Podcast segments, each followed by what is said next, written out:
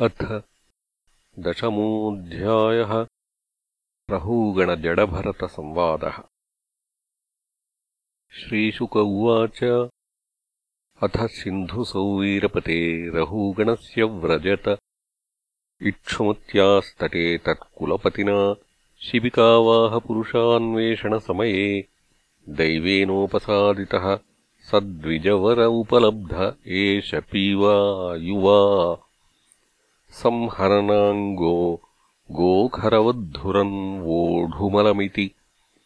पूर्वम् विष्टिगृहीतैः सह गृहीतः प्रसभमतदर्हः। उवाह शिबिकाम् स महानुभावः यदा हि द्विजवरस्येषु मात्रावलोकानुगतेः न समाहिता पुरुषगतिस्तदा विषमगताम् स्वशिबिकाम् रहूगण उपधार्य पुरुषानधिवहत।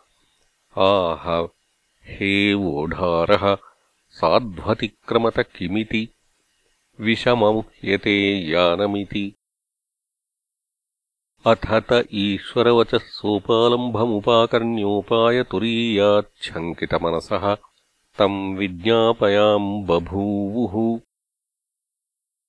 न वयम् नरदेव प्रमत्ता भवन्नियमानुपथाः साध्वेव वहामः।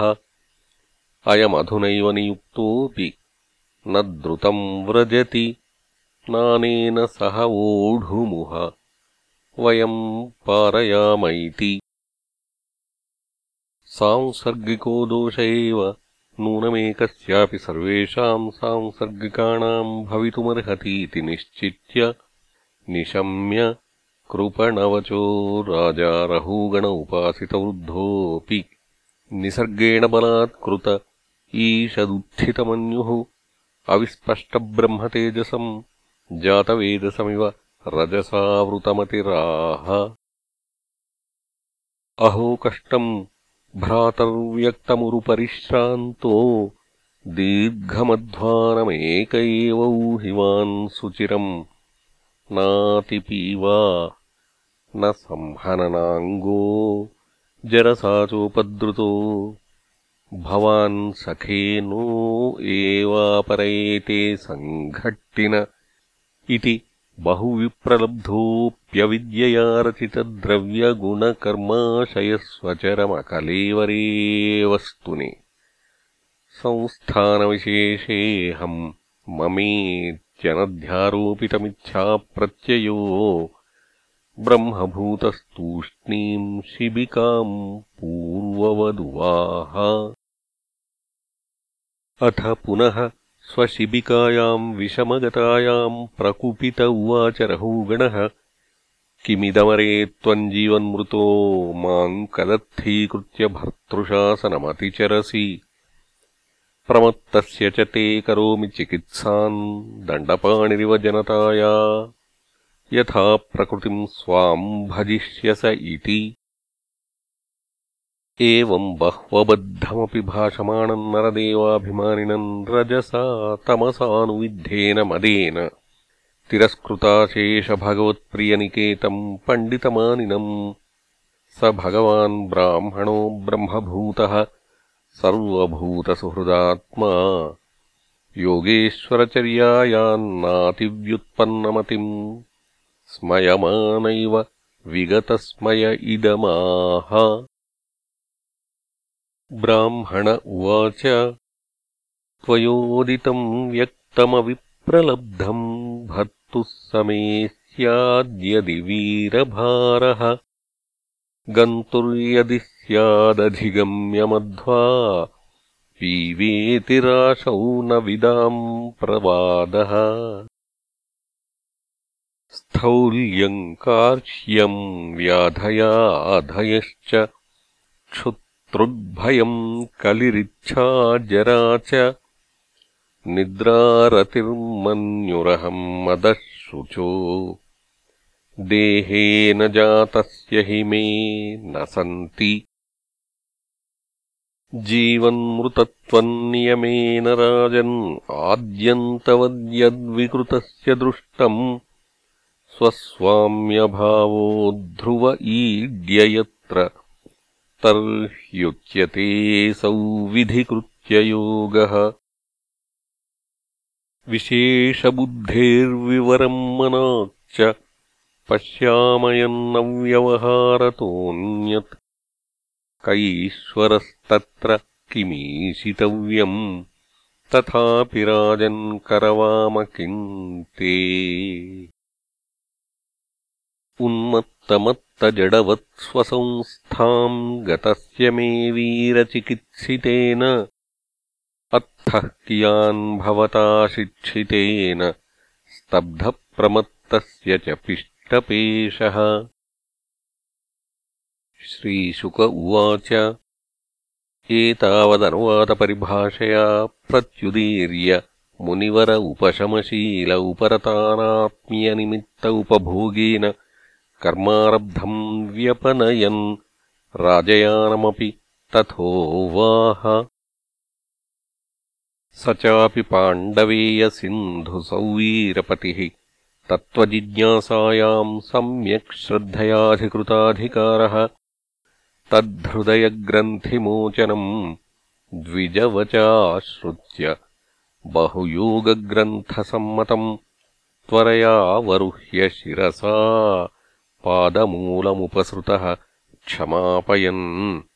विगतनृपदेवस्मय उवाच। कस्त्वम् निगूढश्चरसि द्विजानाम् बिभर्षिसूत्रम् कतमोऽवधूतः कस्यापि कुत्रत्यैहापि कस्मात् क्षेमायनश्चेदसि नोतशुक्लः नाहम् विशङ्के सुरराजवज्रात् न त्र्यक्षशूलान्न यमस्य दण्डात् नाज्ञर्कसोमानिलवित्तपास्त्रात् शङ्के भृशम् ब्रह्मकुलावमानात् तद्ब्रूह्यसङ्गो जडवन्निगूढविज्ञानवीर्यो विचरस्य पारः वचांसि योगग्रथितानि साधो। न नः क्षमन्ते मनसापि भेत् अहम् च योगेश्वरमात्मतत्त्वविदाम् मुनीनाम् प्रवरम् गुरुम् वै। प्रष्टुम् प्रवृत्तः किमिहारणम् तत् साक्षाद्धरिम् ज्ञानकलावतीर्णम् स वै भवान् लोकनिरीक्षणार्थम् अव्यक्तलिङ्गो विचरत्यपि स्वित्।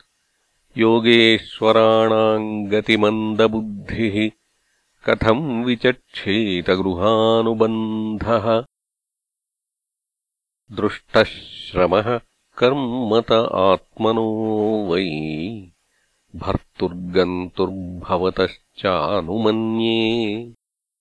यथा सतोदानयनाद्यभावात् समूलयिष्टो व्यवहारमार्गः।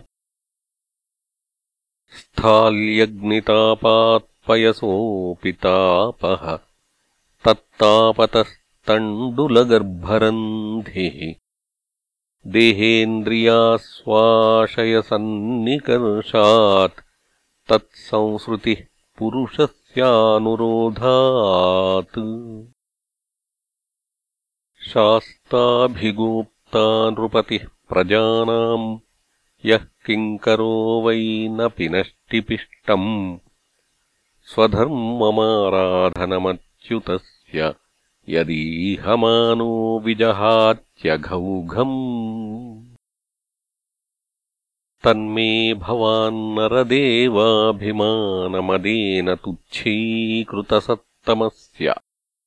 कृषीष्टमै स्त्रीदृशमात्तबन्धो यथातरे सदवध्यानमंहः।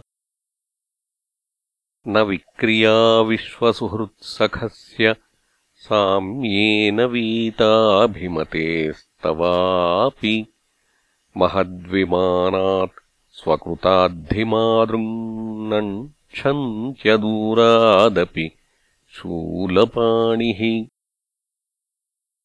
इति श्रीमद्भागवते महापुराणे पारमहंस्याम् संहितायाम् पञ्चमस्कन्धे दशमोऽध्यायः